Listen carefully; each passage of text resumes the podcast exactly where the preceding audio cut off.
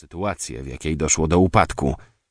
Mm, Chyba jakieś zakłócenie, chciał powiedzieć, błędnika, ale nie znał tego słowa po niemiecku. Mm, Coś się urwało w głowie. Pobrano mu krew, zmierzono ciśnienie. Ale to był dopiero początek. Potem wykonano szereg badań wykluczających wstrząs mózgu, obecność krwiaka, guza, etc. Tomografię, EEG i parę innych rzeczy, którym się bezwolnie poddawał. Słyszał, że austriacka opieka medyczna jest jedną z najlepszych w Europie. Może jednak prościej było zeznać, że się po prostu potknął?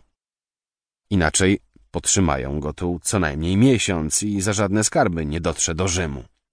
No, ale w końcu twarze badających go medyków rozjaśniły się, z czego można było wnioskować, że nie jest źle. Zawieziono go do pustej sali. Na szafce przy łóżku zobaczył biały kamień. Nieprawdopodobnie piękny, z seledynowo-czarnym tatuażem porostów. Pomyśleli. Tak bardzo chciał im powiedzieć, żeby go wzięli dla niego na pamiątkę. Ludzie są dobrzy. Uśmiechnął się. Uprzytomnił sobie nagle, że na parkingu, z którego wyruszył w trasę, zostawił rower. Swój środek lokomocji. Ale nie wspominał o tym, by nie przysparzać Austriakom kolejnych problemów.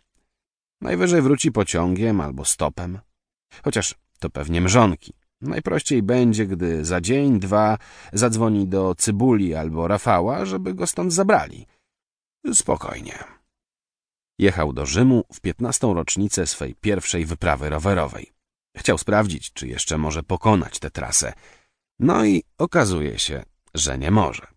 Na gipsowej nodze już nigdzie w tym roku nie dojedzie. Lekarz na pytanie, czy będzie mógł w tym tygodniu wyjść, tylko się uśmiechnął. Wacław w ogóle nie bardzo wiedział, jak będą wyglądały jego najbliższe dni.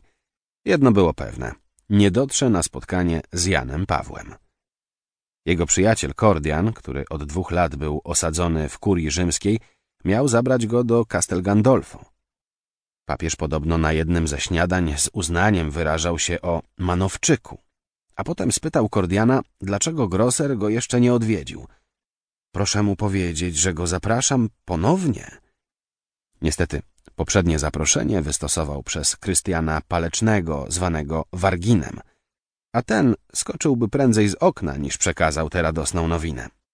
Wolał kłamać, kręcić przed samym papieżem, niż dopuścić, żeby jego konkurent dotarł do Rzymu. Od początku, od seminarium był zazdrosny o Grossera. Zaproszenie zasuszył. Czwartego dnia Wacław pokuśtykał o własnych siłach, to znaczy o kulach, do toalety. Zrobił sobie przystanek przed gazetką szpitalną. Wzrok zatrzymał się na ogłoszeniu z nazwiskami kapelanów szpitalnych. Farer Thomas Becker, Katolisze Kirche i Farer Mateusz Konopiuk, Ewangelisze Kirche. To drugie nazwisko zapachniało mu Polską. Przekonanie o polskości zbudował właściwie nie tyle na nazwisku Konopiuk, ile na oryginalnej pisowni imienia Mateusz, a nie Matias. Spróbuję poszukać u nich jakiejś pomocy po linii zawodowej. Zagadnął przechodzącą pielęgniarkę o księdza katolickiego. Piguła pokręciła głową. To niemożliwe, nie ma. E, A, a pastor Konopiuk? Uśmiechnęła się słodko. Dam mu znać.